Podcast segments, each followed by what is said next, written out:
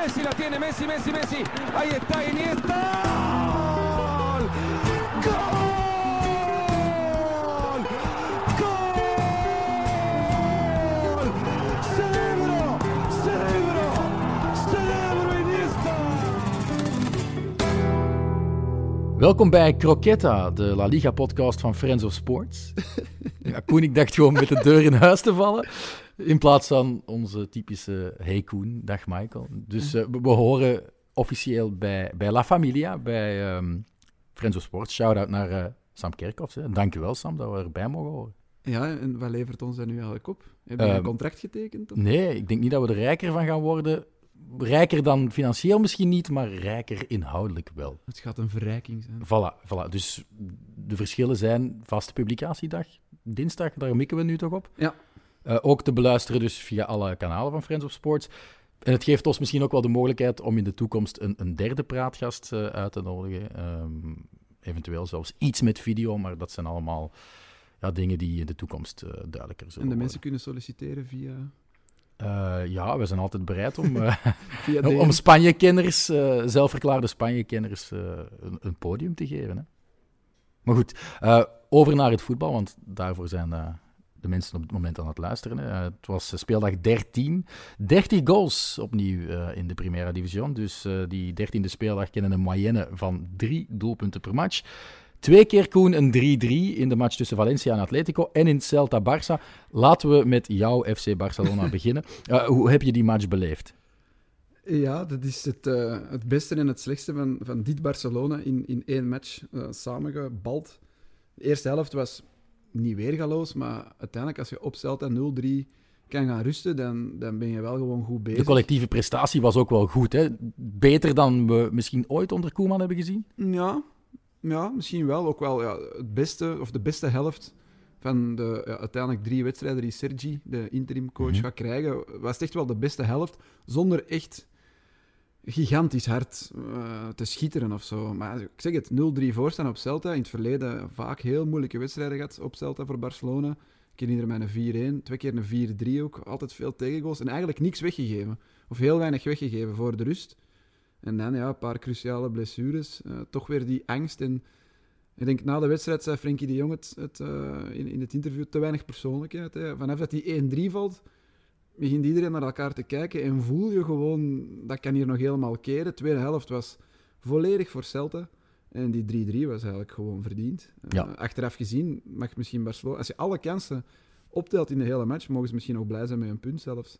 Ja, over persoonlijkheid gesproken. Jago Aspas dat is wel een persoonlijkheid natuurlijk. De ontlading na die gelijkmaker, schitterend afgewerkt, was wel enorm. Hè? Ja, fenomenale goal. Uh, ik denk dat wij hier altijd al uh, hem bejubeld hebben. Wat een ongelofelijke speler hij is. Ik denk dat jij hem zelfs mee naar het EK of WK wou zien gaan. Um, hij is natuurlijk op leeftijd. Hij zit ook af en toe op de bank tegenwoordig. Maar uh, ja, als hij op doel trapt, hij, ruikt de goal gewoon. En, en je moet eens proberen. Dat, die 3-3 dat hij maakt, iedereen zou daar volgens mij met links voor de korte hoek gaan. Hij, hij krult hem verre, verre hoek in het zijn. Het echt vijf centimeter naast de paal, on, onpakbaar. En uh, ja, het was wel mooi om... Oké, okay, toe pijn natuurlijk als Barça-fan, dat ze in de 96e minuut, in een match met vijf minuten blessuretijd nota bene, die 3-3 uh, slikt. Maar dat het, ja, het is iets minder pijnlijk als zo'n cultfiguur als Thiago Aspas ja. is, die dan die 3-3... Die, zit die zat een beetje in een vertrouwenscrisis. En wat besliste de coach dan, Caudet? Hij heeft uh, het publiek opgedragen om in de tiende minuut, hij heeft het terug nummer 10, applaus te geven voor het clubicoon. Het is, het, is, ja, het is wel een beetje raar. Het heeft ook zoiets narcistisch, vind ik, eerlijk gezegd. Ja, dat maar... je daar dan moed uit moet putten. Goh ja, uh, het is een icoon van de club. Hij heeft uh, de voorbije jaren vaak eigenhandig Celta Vigo in, in, uh, in de Primera Division gehouden met, met ongelooflijk veel belangrijke goals. En ja, dat hij dan op leeftijd het iets moeilijker heeft om ja, week in, week uit, 90 minuten daar te staan. Dat, dat is gewoon logisch. Ik denk dat hij nu 34 is. Maar het is wel mooi dat het publiek uh, beseft wat voor waarde die speler heeft gehad en nog steeds kan hebben voor, voor de club. Ja, maar weer niet geselecteerd door Louis Enrique. Ja, terecht. Ja. Oké, okay. uh, ik heb daar een andere mening over. Maar goed, um, jammer wel voor die uh, Sergi Barjuan uh, dat hij niet kan afsluiten. Dus een kortstondige T1-schap met een overwinning. de Barça-spelers die kwamen het veld op met een shirt ter steunbetuiging van uh, Kun Agüero. getroffen door hartproblemen natuurlijk. Het is op dit moment een volledig elftal, Koen, dat bij Barça geblesseerd is. Ja. Hoe kan dat? Ja, geen idee. Uh, Xavi heeft het ook aangehaald in zijn, in zijn presentatie gisteren, dat het ja, er is iets mis in het medische departement. Oké, Op dit moment is volgens mij Memphis Depay de enige, de enige fitte aanvaller. Hè. Je hebt Dembélé out, Aguero out. Ja, nee, okay, Luc, de Jong is ook nog fit, denk ik, maar die reken ik eigenlijk al niet meer mee. Ansu Fati out. Uh, en dan nu, dit weekend, dan nog bijgekomen ook uh, Eric Garcia, uh, Nico González, die eigenlijk zijn beste wedstrijd speelde. Ehm, ja, ik denk zijn beste wedstrijd tot nu toe voor Barça. Toen hij uitviel, veranderde eigenlijk de match, vond ik. en dan heb je nog uh, Piqué uit. Araujo is nu net terug.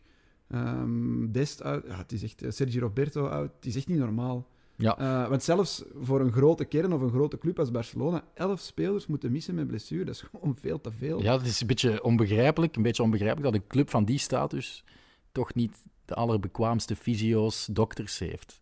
Nee, en gisteren werd uh, de hoofdfysio, uh, Juanjo Brau, al bedankt voor bewezen diensten. En Xavi wil zijn fysio vanuit van Al-Sad van in Qatar meenemen. Ja, het is de dokter die hij wil meenemen. Nee, de dokter en de fysio. Ja, maar blijkbaar is het enige dat nu nog niet lukt, is die Ricard Pruna. En dat is de dokter, ja. want die ligt nog ja, in de Emiraten vast tot juni. Dus die, zou ten vroegste, ja, die zou ten vroegste in de, in de zomer kunnen komen. Um, maar dus die uh, fysio uh, die er was, die Brouw, uh, die gaat vertrekken. Ook Xavi Linde gaat vertrekken. En dan komen in de plaats Carles Noguera en Jaume Munil. dat wil ook wel zeggen dat Xavi een beetje precies is, niks aan de details. Maar hij neemt ook al zijn assistenten mee uh, van, van, bij, van bij Alsat. En, en ja, als je in een club komt en je ziet dat er zoveel problemen zijn met blessures, en je hebt daar zelf in het verleden gevoetbald, met die mensen samengewerkt die je nu wil terughalen, en je hebt toen eigenlijk heel weinig blessures gekend, dan vind ik het niet meer dan logisch dat hij terug, terug wil grijpen naar wat hij kent en waarvan hij weet dat die mensen goed werk leveren. Het is ook gebeurd in Madrid, hè? in het tussenseizoen. Want daar hadden ze eigenlijk ook een elftal geblesseerden vorig jaar. Ja, het is een... Excuus. Het is een, een, een uh, opmerkelijk fenomeen, inderdaad, zoals je zegt, bij zo'n topclubs, dat het kan dat er zoveel blessures zijn. Dat is eigenlijk ongezien. Laten we hopen dat het met de nieuwe fysiotherapeuten uh, beter gaat, want ja, zo, zo kan het wel echt niet verder voor Barcelona. Ja, Xavi is dus voorgesteld gisteren. Uh, er was meer volk naar Camp Nou afgezakt dan bij de voorstelling van Coutinho. Dat heb ik via een tweet van uh, Koen Frans. uh, de verwachtingen zijn torenhoog. Uh, wat zijn die van jou? Slechter dan Koeman zal het niet worden, hè? Nee, hij kreeg zelf ook die vraag op de persconferentie van... Ja, zal zoals Zidane en Guardiola een ex-voetballer zijn die er meteen staat als trainer? Of kom je in het rijtje Lampert, Pirlo en bla bla bla? En hij zei, ja, vergelijk me alsjeblieft niet met Guardiola, want ja, iedereen trekt die gelijkenissen. Uh, ex-speler, uh, alles geleerd, cruifisme, enfin, nu coach worden. Maar hij zei, zei, wel, laten we hopen dat ik in het rijtje Zidane en Guardiola word gezet binnenkort. Hij heeft, hij heeft een groot voordeel, denk ik, tegenover bijvoorbeeld Lampert en, en, en Pirlo, dat is dat hij wel al een paar jaar ervaring heeft. Oké, in Qatar, maar hij heeft daar wel twee, twee jaar en een half in alle rust ja, zijn filosofie of zijn voetbalfilosofie kunnen ja, bijstellen of slijpen. En hij komt nu met, met een schat aan ervaring eigenlijk terug naar Barcelona. Wat bijvoorbeeld ook Guardiola niet had. Die had er maar één jaar bij Barça B op mhm. zitten. En dat was met alle respect in vierde klasse toen. Barça B was toen weggezakt. Ze zijn wel kampioen geworden. Met spelers als Busquets, Pedri, Piepjonge, Thiago. Maar Guardiola had één seizoen hoofdcoach geweest in vierde klasse. En toen kreeg hij het A-elftal van Barcelona. Dan is maar is natuurlijk de chouchou de poulain geweest van Johan Cruijff, die hem ook de sleutels van zijn elftal heeft gegeven. Xavi kreeg ook de sleutels van, van Guardiola. Dus... In dat opzicht, symbolisch, klopt het, allemaal, klopt het allemaal wel. Maar ja, waarom zou Xavi er meteen zo staan als Guardiola? Je kan dat niet weten. Maar het feit dat hij het in, in Qatar... Je kan zeggen, oké, dat is een Janneke en Miki-competitie, maar daar spelen wel echt nog heel goede spelers met, met hoge uh, marktwaardes en zo. Dat is echt wel niet te vergelijken bijvoorbeeld met vierde klasse Spanje. En daar heeft hij toch in 2,5 jaar zeven prijzen gewonnen. Ik denk dat hij elk jaar de titel en de beker won. Dan nog wat van die andere prijzen dat je daar in de Emiraten kunt winnen. Dus hij heeft bekend elke prijs gewonnen die je daar kan winnen. Zegt toch, toch wel iets. En, en er passeren ook van die goals die daar werden gemaakt door zijn club. Ja, dat, dat is het, uh, het Barcelona van Guardiola. Nou, die ene was eigenlijk buitenspel, hè? Ja, okay, het is wel opbouwen van achteruit. Tuurlijk, tuurlijk. Hoog druk zetten, heeft hij ook gezegd op zijn persconferentie. We moeten terug dominant uh, hoog druk durven zetten. en vooral ook... De stijl van het huis heeft hij ook benadrukt. Ja, van onze eigen kracht uitgaan. Hè. Wat Koeman vaak zegt, ja, we zijn niet goed genoeg. Of na een gelijk spel op Cadiz zeggen van ja, kijk met welke spelers ik het moet doen. Ja, die bullshit. Ik ben blij dat we daar nu eindelijk vanaf gaan zijn. Want jij blijft zeggen, ik zie Barcelona niet in de top 4 eindigen. Maar nogmaals, als je die kern ziet, als iedereen fit is, en je legt bijvoorbeeld de transferwaardes allemaal naast elkaar, dan is Barcelona nog altijd de derde na Atletico en Real Madrid. Op ruime afstand van die twee. Maar de afstand op de nummer 4 is nog veel groter. Dus in principe heeft Barcelona nog altijd alles in huis om, om minstens top 4. Ja, daar moet ook de ambitie blijven. Ja, dat, dat, is ook de Maar ik heb een, uh, ja, statistiek die mij doet geloven dat mijn glazen bol toch redelijk gerepareerd is. Dus ik zei voor het seizoen, ze worden vijfde, Barça. Uh, slechts zes teams konden na 13 speeldagen en met een achterstand van 11 punten op de leider nog een plek bemachtigen in de top 4 uh, eh, aan het eind van het La Liga-seizoen. Valencia in 58 en 92, Betis in 2005, Atletico in 2009, Malaga in 2012 en Real Madrid in 2013. Maar jij gelooft dus dat Barça zeer zeker de zevende ploeg uh, kan worden die uh, daarin Ik vind het nog veel te vroeg in het seizoen om, om zoiets te zeggen. Uh, ze hebben heel veel domme punten al weggegooid tegen, tegen ploegen waar ze in principe, als ze, ik zeg het, als ze volledig zijn en uitgaan van eigen kracht, altijd van moeten kunnen winnen. En, en als dat geloof er terugkomt en een paar spelers uit blessure terugkomen en meegaan in dat verhaal van Xavi, pas op, hij heeft tijd nodig. Het zou kunnen Trust the process ja, we hebben de vergelijking al gemaakt met Pirlo en Lampert, maar Company, ja, toen die begon, sprak ook iemand van, ja, iedereen van, het is een kind van Guardiola. Ja. En daar hebben we nog altijd geduld voor nodig om, om echt te kunnen zeggen, is dat een geslaagde zet geweest van Anderlecht? Ja, we zullen zien. En ik kan ook zeggen, de positie van een speler vroeger bepaalt ook een beetje hoe dat hij als trainer is. Maar dan zouden Lampert en Pirlo toch ja, twee, twee middenvelders, twee, twee gasten die mee het spel moesten maken en verdelen, regisseren dan had je verwacht dat die er toch ook uh, ja, meer van zouden bakken of het beter zouden doen. Seedorf is nog zo'n voorbeeld, eigenlijk ook volledig geflopt, hoewel het dan een geweldige middenvelder was. Dus het is afwachten, sowieso.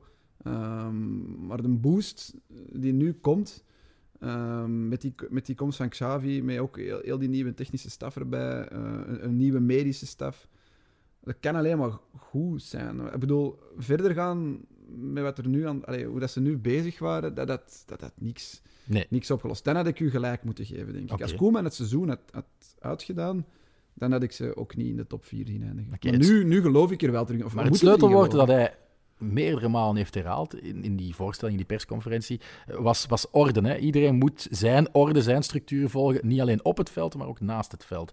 En dan wringt dat een beetje dat hij daarna zegt: Ousmane Dembélé is voor mij de sleutelfiguur. Uh, die krijg ik naar zijn absolute top. En dan is hij misschien wel de allerbeste op zijn positie. Hij heeft dat iets anders verwoord. Hij gelooft enorm in Ousmane Dembélé. En ik denk dat hij dat oprecht meent. En ik denk ook als Ousmane Dembélé fit is, is hij volgens mij ook een van de allerbeste op zijn positie. Maar het is een ongeleid projectiel. Het is iemand die niks van orde en structuur snapt, toch? Nee, maar als die mee kan gaan in, in zo'n verhaal, dan, dan kan dat echt, echt, echt een grote worden. Maar het probleem met Ousmane Dembélé is gewoon die blessures. Ik heb het nu na zijn blessure uh, tegen Dynamo Kiev opgezocht. Ja, hij heeft twee van de vier jaar dat hij bij Barça zit gewoon niet gespeeld. En bijna altijd hamstringblessures. Dan zit je gewoon met een, met een gigantisch probleem. Dus als ze dat krijgen opgelost, hè, als de, de wonderdokters die Xavi meeneemt... Ja, stel je voor dat dat het verschil maakt. Ja, een fitte Dembélé erbij is, is echt wel een wereld van verschil voor, voor dit Barcelona. Dus laten we hopen dat hij... Uh, dat hij dat in die 25 minuten tegen Kiev zag je gewoon al, als hij met de bal aan de voet versnelt, ja, dat kan geen enkele speler.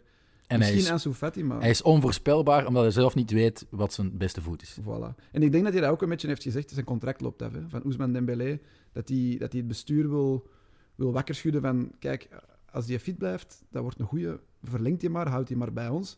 Stel je voor dat ze die laten gaan na dit seizoen transfervrij. Bij een andere club begint hij ineens te renderen. Ja, je hebt er wel ooit 135 miljoen euro voor betaald. Hè. Dat zou weer al een ongelofelijke afgang zijn. Dus ik denk dat Xavi ook een beetje daarop wou, wou, wou inspelen. Ja, hij had al eerder naar Barça kunnen komen. Laporta uh, was ook niet 100% overtuigd dat Xavi nu meteen de juiste man was om het A-elftal. Laporta liet altijd zo'n beetje tussen de lijnen uitschijnen. Ik wil hem, zoals Guardiola, misschien eerst een jaartje bij Barça B. Uh, maar Xavi heeft ook toegegeven dat hij twee keer gepolst is en twee keer zelf bedankt heeft. Er was ook een aanbod, lezen we overal, om, om bondscoach van Brazilië te worden. Maar ik hoorde Sid Lowe van The Guardian eigenlijk dat nieuwtje beter preciseren. Het zou niet als T1 geweest zijn, maar als rechterhand van Teach. Waarschijnlijk met de goedkeuring van Neymar. Nee, het, zou tot aan het WK. En dan overnemen. Ja, en dan overnemen na het WK, ongeacht van het resultaat van Brazilië op dat WK. Dus dan zouden wij in ja, januari 2023 uh, zou wij bondscoach van Brazilië worden. En tot dan zouden wij kunnen leren uh, naast, uh, naast, naast Teach. ja. ja. Ehm, maar ook daar heeft hij afgeslagen, met hij altijd wist, op een, op een dag kom ik, kom ik bij Barcelona terug. Het is nu misschien wel wel een ongelukkig moment, zo, ja, wat is het, uh, na een derde van het, van het seizoen. Ik vind dat altijd zo... Uh, je hebt een voorbereiding nodig om echt je stempel te kunnen ja, drukken. Ja, en dat, dat heeft Guardiola wel gehad. Hè? Die, kwam, die kwam van Barça B, maar die had wel een hele zomer. Die kon ook een beetje die, die kern samenstellen. Hè? Weet je nog toen met, met Eto, Deco, mm enfin, al die transfers, al die toppers die dat hij zo'n beetje... Ja, nee, ik ga het anders doen. En hij bracht Busquets en Pedro vanuit, vanuit de B-ploeg. Eto mocht wel blijven, natuurlijk. Wie? Eto mocht wel blijven, natuurlijk. Deco en Ronaldinho, ja. Die ja, en Eto een jaar later moest hij, moest hij weg, of twee jaar later. Uh, laat, hij, laat hij hem wel gaan.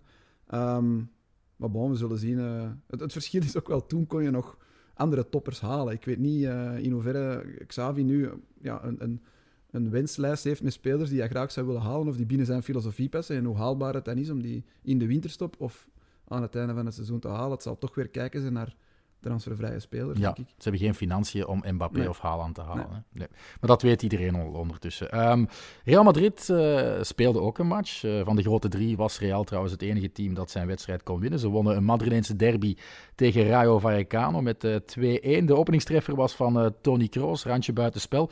Maar Varcek en toch goal. En de tweede goal was een mooie van gouden balkandidaat Benzema op een heerlijke voorzet van, van Alaba. Van de doelman wel, hè? Ja, maar de voorzet was ook wel uh, in één tijd perfect aangesneden. En ik heb gezien ja, dat Alaba en Mendy regelmatig wisselden van positie in dat duel. Dat is wel iets handig, dat is wel iets waarmee je verdediging uh, redelijk uh, hard in verwarring kan brengen, toch? Ja, vooral met twee linksvoetige verdedigers zijn, met een, met een prima schot en een prima, prima voorzet. Allebei ook redelijk snel, dus ja, als, als de ene plots voor je opduikt en de andere centraal blijft en, en, en omgedraaid, dan, dan kan dat wel ja, voor veel verwarring zorgen bij de tegenstander. Maar ik wou zeggen over Real Madrid. Hè, je zegt wel, ze winnen als enige van de drie grote -hmm. nu matches. Ze staan ook virtueel eerst. Ze hebben een match minder dan Sociedad, maar ze hebben maar twee punten minder. Dus ze staan er virtueel boven. Maar ik blijf erbij. Het is, het is allemaal zo... Ja, gewoontjes, niet spectaculair. Ze hebben nu, denk ik, vier van de laatste vijf matchen gewonnen met 2-1. En dan ertussen nog een 0-0 tegen Osasuna. Dus om nu te zeggen dat ze, dat ze er met kop en schouders bovenuit steken in Spanje, nee, nog altijd. Maar zo is Real al vaak kampioen geworden. Ja, maar ze winnen wel, inderdaad. Zakelijkheid. Ja, zakelijk. En, en Benzema, hè. Ik, zei, ja, ik zei net, gouden balkandidaat. Maar er zou toch al uitgelekt zijn dat Leo Messi hem zou winnen? Ik zou dat dan toch lichtjes onterecht vinden, eerlijk gezegd. Allee, op basis van de laatste paar maanden bij PSG is het misschien inderdaad niet verdiend. Maar wat hij die vorig jaar in de terugronde bij Barcelona heeft getoond, en dan bijna eigenhandig die Copa America gewonnen met, met Argentinië. Ja, dan... ja, maar ja, heeft hem al zo vaak gewonnen en dan is dat toch dubbel zuur voor een Benzema, voor een uh, Lewandowski. Die, die... Cruijff had het voorspeld, Messi gaat er zeven winnen. Dus hij moet er nog één winnen en dan, dan kan hij stoppen. Dan is het gedaan. Dan ja, het gedaan. Ja, dan, dan maar ja, Lewandowski wordt ook een dagje ouder, gaat er misschien niet uh, elk jaar voor Lewandowski dat er geen is uitge... ja, uitgereikt in dat jaar, ja, in dat coronajaar, want dan had hij hem altijd gewonnen. En ook Benzema, sorry, als je ziet dat hij de hoogste ranking dat hij haalde tot dusver op, dat, uh, op die verkiezing is 16e, dat is ook een beetje schandalig. Hè? Maar oké, okay, hij was een beetje...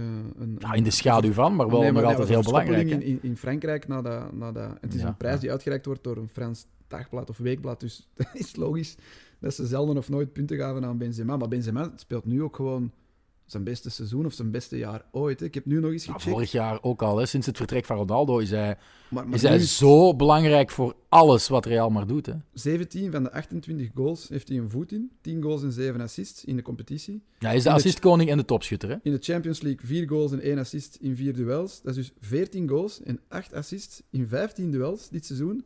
Ja, de enige dat zo'n cijfers de laatste jaren combinatie goals, assists liet allez, optekenen was, was Messi. Ik dacht dat je Rafa Holzhauser ging zeggen.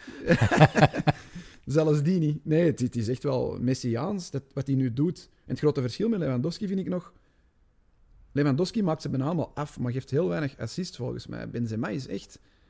Ja, die doet alles voor die ploeg. Samen met Vinicius wel is, nu maar. is zo'n hybride, hè? we zeggen ja. het vaak, middenvelder spits. Ja, het is eigenlijk geen echte negen. Hè. Hij staat ja, hij zwerft zoveel meer uit dan Lewandowski, die toch meer echt een goaltjes dief is. Benzema maakt ook fenomenale goals. Enfin, Lewandowski ook, maar... Ehm, ja, als er een jaar was dat Benzema en Lewandowski hem konden winnen, was het misschien wel dit jaar, maar het zal toch Messi zijn. Oké. Ehm, maakt Carlo Ancelotti ons, ons blaasjes wijs? Want Hazard gaat kansen krijgen, zei je toch? Uh, sinds de Classico, waar hij 90 minuten uh, met zijn brede kont de bank uh, warm hield.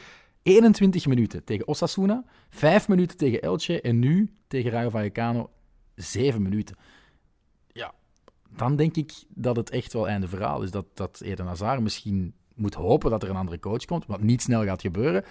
Of toch gewoon moet ingaan op een aanbod van een ex-club zoals Chelsea. Het zal waarschijnlijk pas in de zomer lukken, maar ik denk dat hij op dit moment vierde of vijfde keuze is uh, voor de twee um, ja, aanvallende flankposities in de 4-3-3.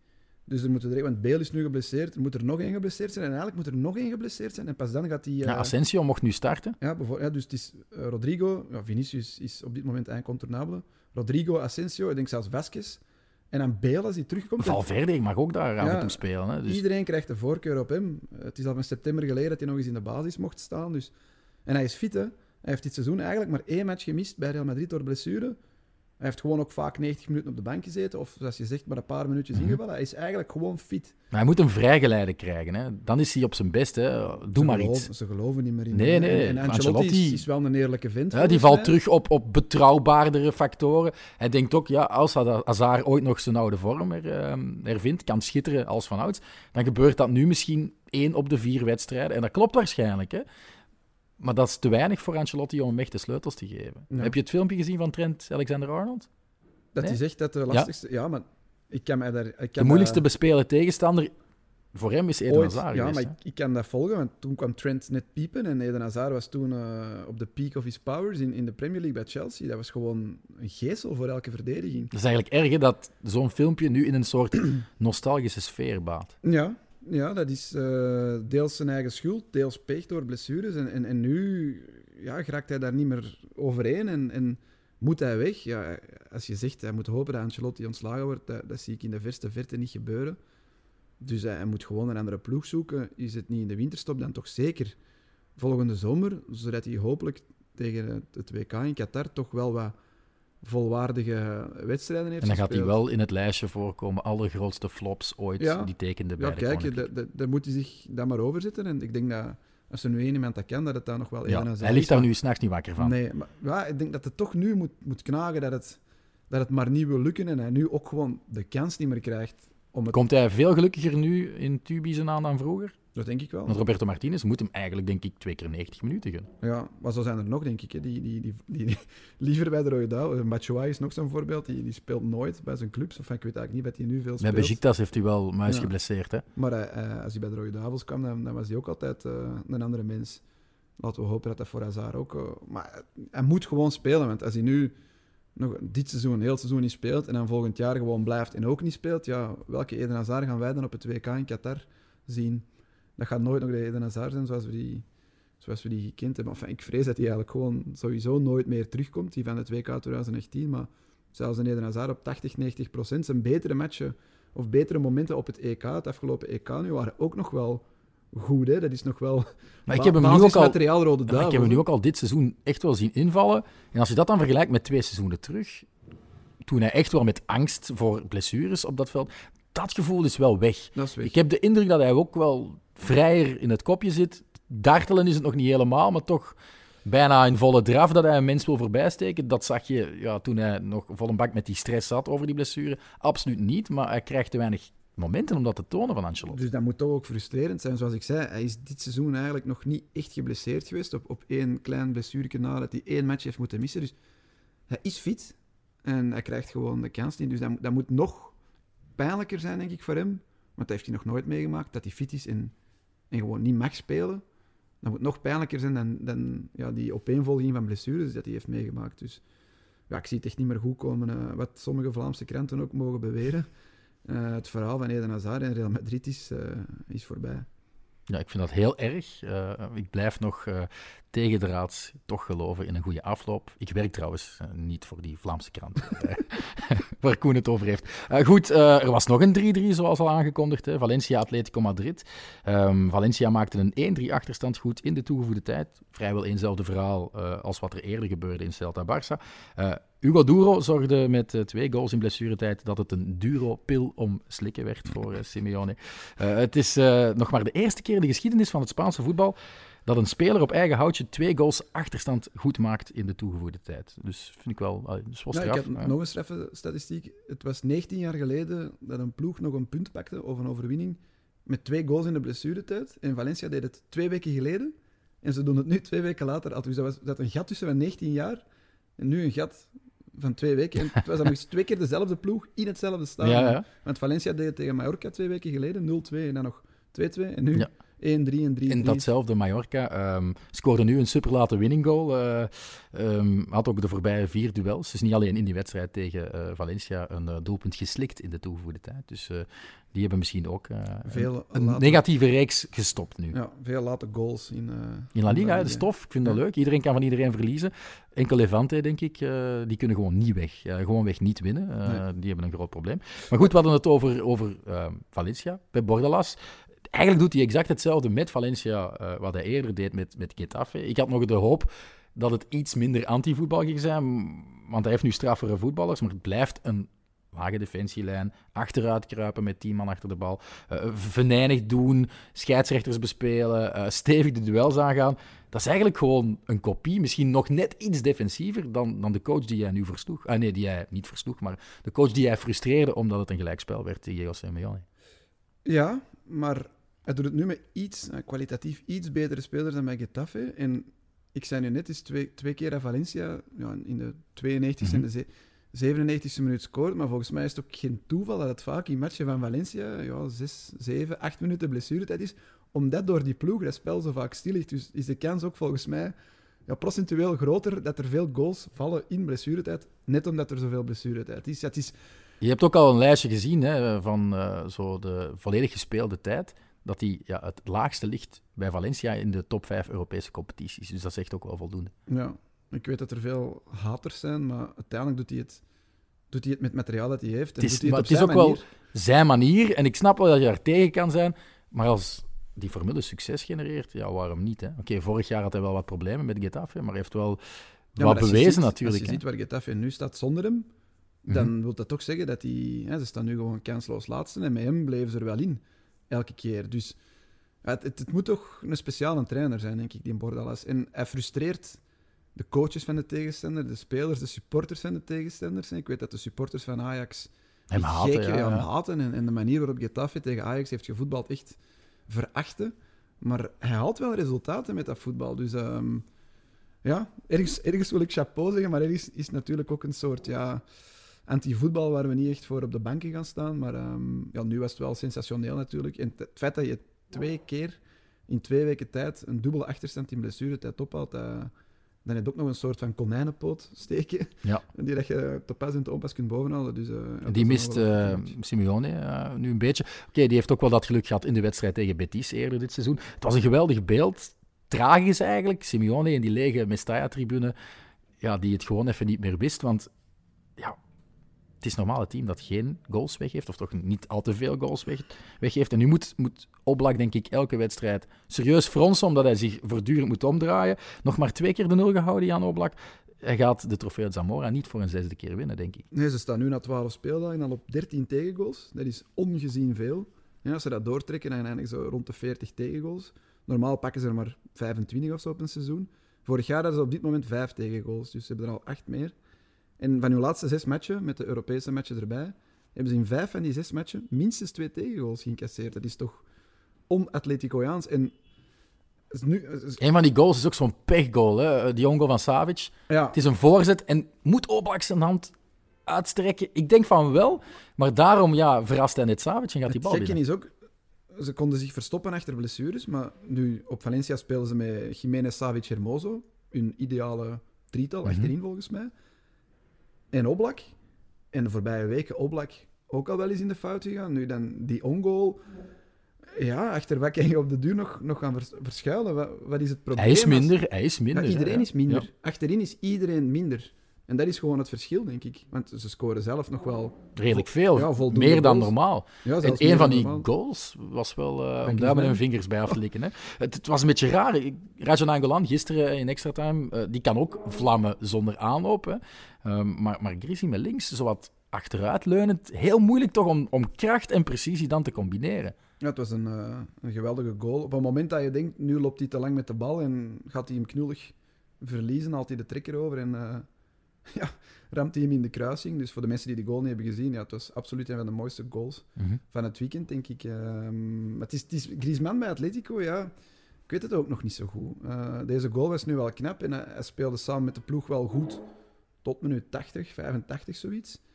Um, maar zo dat, dat over mijn lijk uh, gevoel, of, of dat, dat, ja, de echte krijgers dat ze vroeger waren, ook Griezmann onder Simeone. Hij heeft natuurlijk twee jaar bij een team gezeten waar... Uh, waar karakter niet belangrijk was en wilskracht. dus misschien moet hij zich een beetje weer aanpassen. Ja, ik heb het gevoel dat Griezmann echt terug in zijn hoofd moet omdraaien, die, die, knop moet omdraaien. ik speel hij heeft ook wel een beetje pech met de arbitrage. Hè? Die, die, rode, kaart, tegen Liverpool met Firmino. En nu ook eh, de 3-3, um, ehm, die komt er na een, een vrije trap die Griezmann ja, eigenlijk een fout gemaakt heeft. Maar hij wordt eerst zelf ik vond het eigenlijk geen fout, dus aangetrapt door, door. Da, Daar kunnen Griezmann en Simeone wel nog, nog ja, punt van maken dat, dat de 3-3, die valt uit een vrije trap, die wordt binnengekopt door Hugo ja, eigenlijk geen fout was. Dus eigenlijk was dat nooit een vrije trap.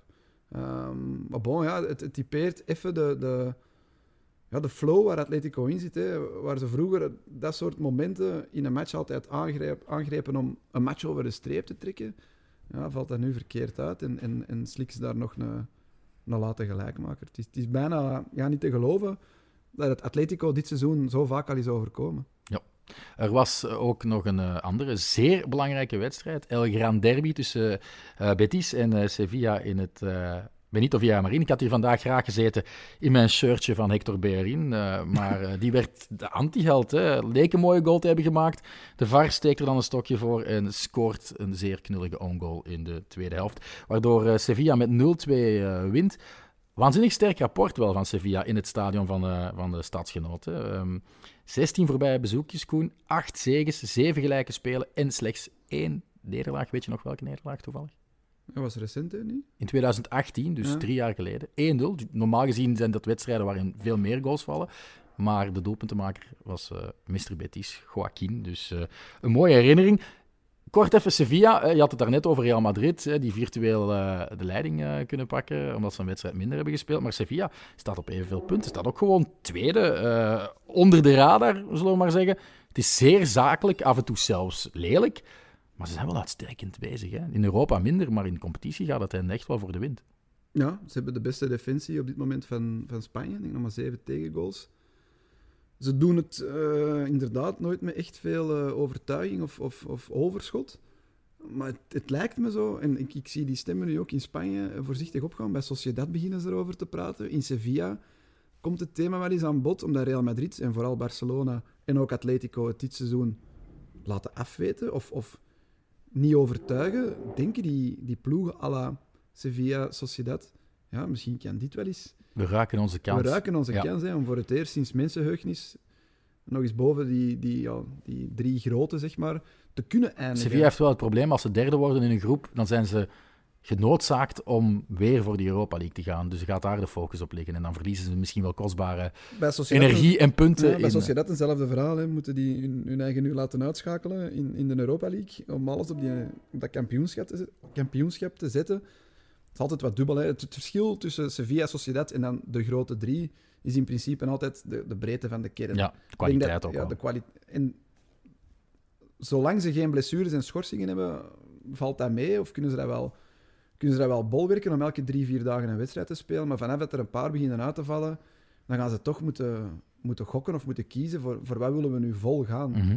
Ik denk dat ze misschien bij de winterstop de evaluaties zullen maken. Staan ze dan nog allebei mee bovenaan, Sociedad en Sevilla? En dan gaan ze misschien zeggen ja, even fuck uh, de Europa League of fuck de Champions League.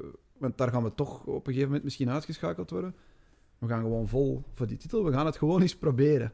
Ja, Het moet van Valencia zo, nog... zo geleden zijn, van, van 20 jaar geleden of zo. Dat ja, Een, een, andere ploeg dan de top, de top drie, of de grote drie het, uh, het heeft kunnen halen. Zometeen nog meer over uh, Osasuna Real Sociedad. Maar uh, het was dus een pijnlijke uitschuiver in de stadsderby en El Gran Derby van Betis. Dat ook al zwaar verloren van Leverkusen Europees. wie er echt hartzeer aan overhield is Politico, Statistico, Unionistico en ras-echte Sevillaanse Betico. Ik heb het mezelf heel moeilijk gemaakt. Hij maakt voor ons kort een analyse van El Gran Derby Juan Benjomea Moreno. Een echte derby, El Gran Derby zoals La Liga de clash tussen Betis en Sevilla noemt, erken je aan een lange aanloop en een lange verwerking van het resultaat. Die aanloop wordt genomen van zodra de kalender vast ligt en stijgt tot een moment waar de pagina's van de drie lokale kranten er 20 pagina's over kunnen schrijven. En dit jaar was het een bijzondere Grand Derby, om drie redenen. Het werd de eerste Sevillaanse derby met publiek sinds 2019. En het publiek kwam opdagen, dat was zeker. Met bijna 60.000 mensen in El Benito Villamarin. En dat in een stad een stuk kleiner dan Brussel. Als Brusselaar droom ik van Brusselse derbies met minstens half zo volle stadia. Het werd ook derby 101 in eerste klasse tussen beide ploegen. De honderdste werd helaas achter gesloten deuren gespeeld door COVID. Net zoals velen onder ons die een mooi rond jarig getal alleen of bescheiden moesten vieren. Van de derbies met Betis als thuisploeg was het ook de kans om het historisch gelijkspel te breken. Tot nu toe hadden Betis en Sevilla beide 23 keer gewonnen, met 21 keer gelijkspel als uitkomst. En drie, een paar weken voor de derby, stonden Sevilla en Betis virtueel op 1 en 2 in het klassement. Mocht dat nog doorgetrokken worden tot deze speeldag, het was de eerste derby aan de top in 90 jaar. Maar helaas, elke lange aanloop zorgt voor nervositeit. En beide ploegen kwamen er gehavend aan. Het bed is dat dit kalenderjaar maar vier keer had verloren. Het minste van de vijf grote Europese competities, minder dan bijvoorbeeld Inter, verloor twee keer in een week en slikte maar liefst zeven goals en maakte geen enkele goal terug. En Sevilla, de Europese overperformer, verloor opnieuw tegen Lille en zit op koers op, om Europees niet eens te overwinteren. Dat zou een drama zijn. Maar nu terug naar de derby. De dag voor de match schreef El Diario de Sevilla, een van die drie grote lokale kranten die er twintig pagina's over schrijven, over een clash van stijlen.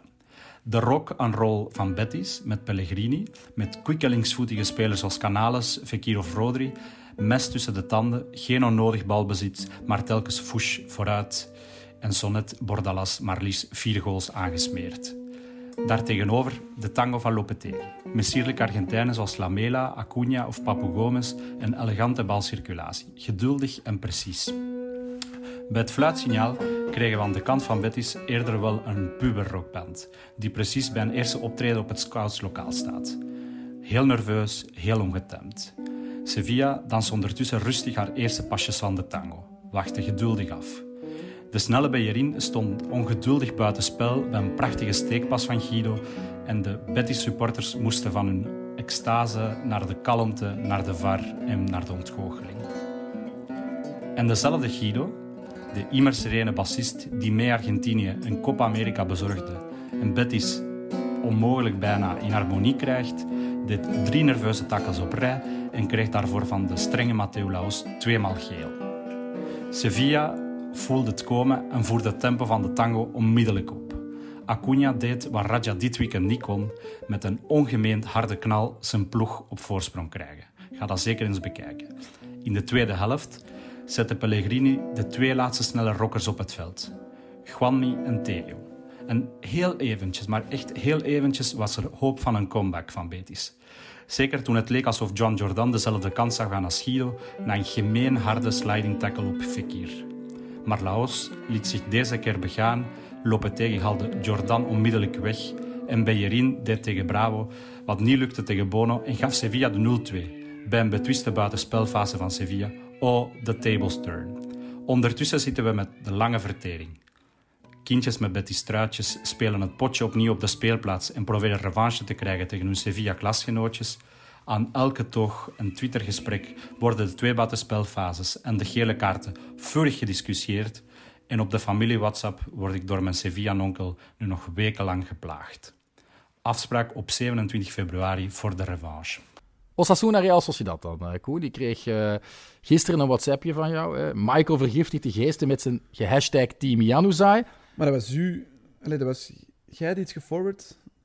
Waar Januzaj op stond en van Januzaj loodst Sociedad terug naar de leidersplaats. Ja. En je vond het zelf overdreven. Ik vond het zelf wel een beetje overdreven. Ja, maar ik blijf dus, wel en team Januzaj. Ja, maar dan heb ik gereageerd. maar dat komt omdat jij de geesten hebt vergiftigd. Ja, ja. Maar ik... uh, en dan, dan moet jij... Hij was wel bepalend. Als je er puur theoretisch naar kijkt... Want ik vond het overdreven, omdat die penalty niet echt een penaltyfout was die hij uitlokte. Hij legt hem dan wel zelf binnen. Het is ook de tweede goal maar in een uh, eh, 0-2 overwinning tegen Osasuna in Pamplona. Dus het is niet dat hij heel die wedstrijd beslist heeft, maar hij is wel de jongste tijd zeer aanwezig. Het is de vijfde opeenvolgende speeldag dat Real Sociedad trouwens uh, de speeldag afsluit als nummer 1.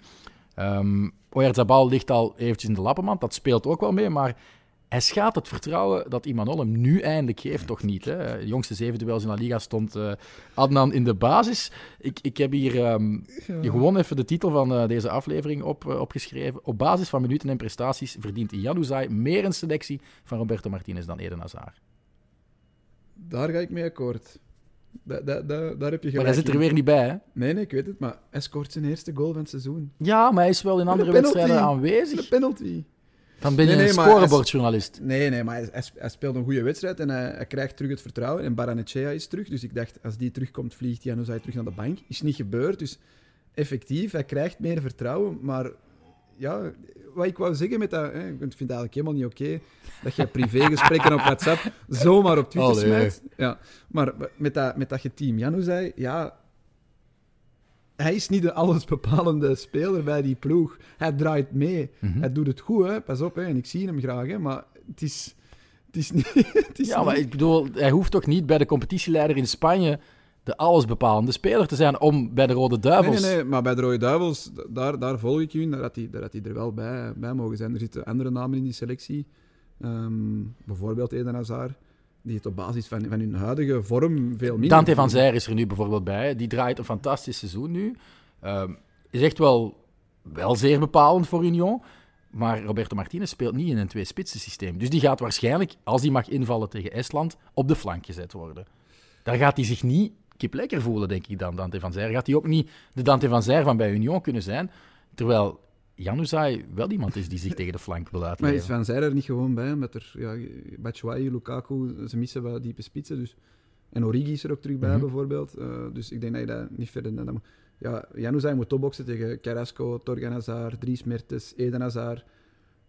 Ja, hij heeft het altijd, dat zal altijd iets moeilijker zijn. Hè? En Van Zijr en, en, Origi waren er volgens mij ook nooit bij geweest als Batshuayi en, uh, en Lukaku fit mhm. waren. Dus oké, ja, ze, blijven het goed doen. En zoals ik daarnet zei, dat moet er volop in geloven. En het is tof voor ons dat daar een Belg een rolletje in speelt.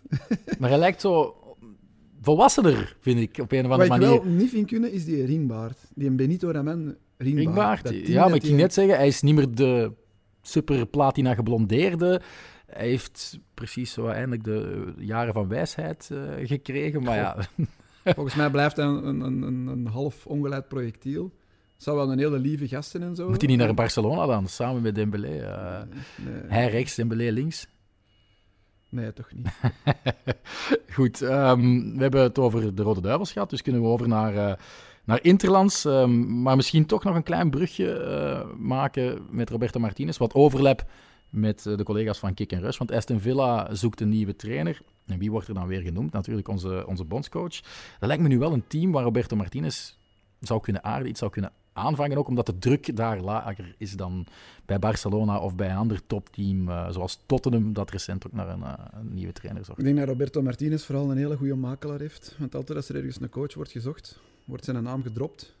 Maar hij wordt nooit de coach van die club. Dus um, ja, zolang dat daar niks concreet is, uh, kun je daar eigenlijk ook niet veel over zeggen. En laat ja. hem maar gewoon nog bij de Rode Duivels blijven tot, tot aan het WK. En dan, uh, dan zal hij wel een soort eindevaluatie maken. Zal de bond ook een, een eindevaluatie maken van dan...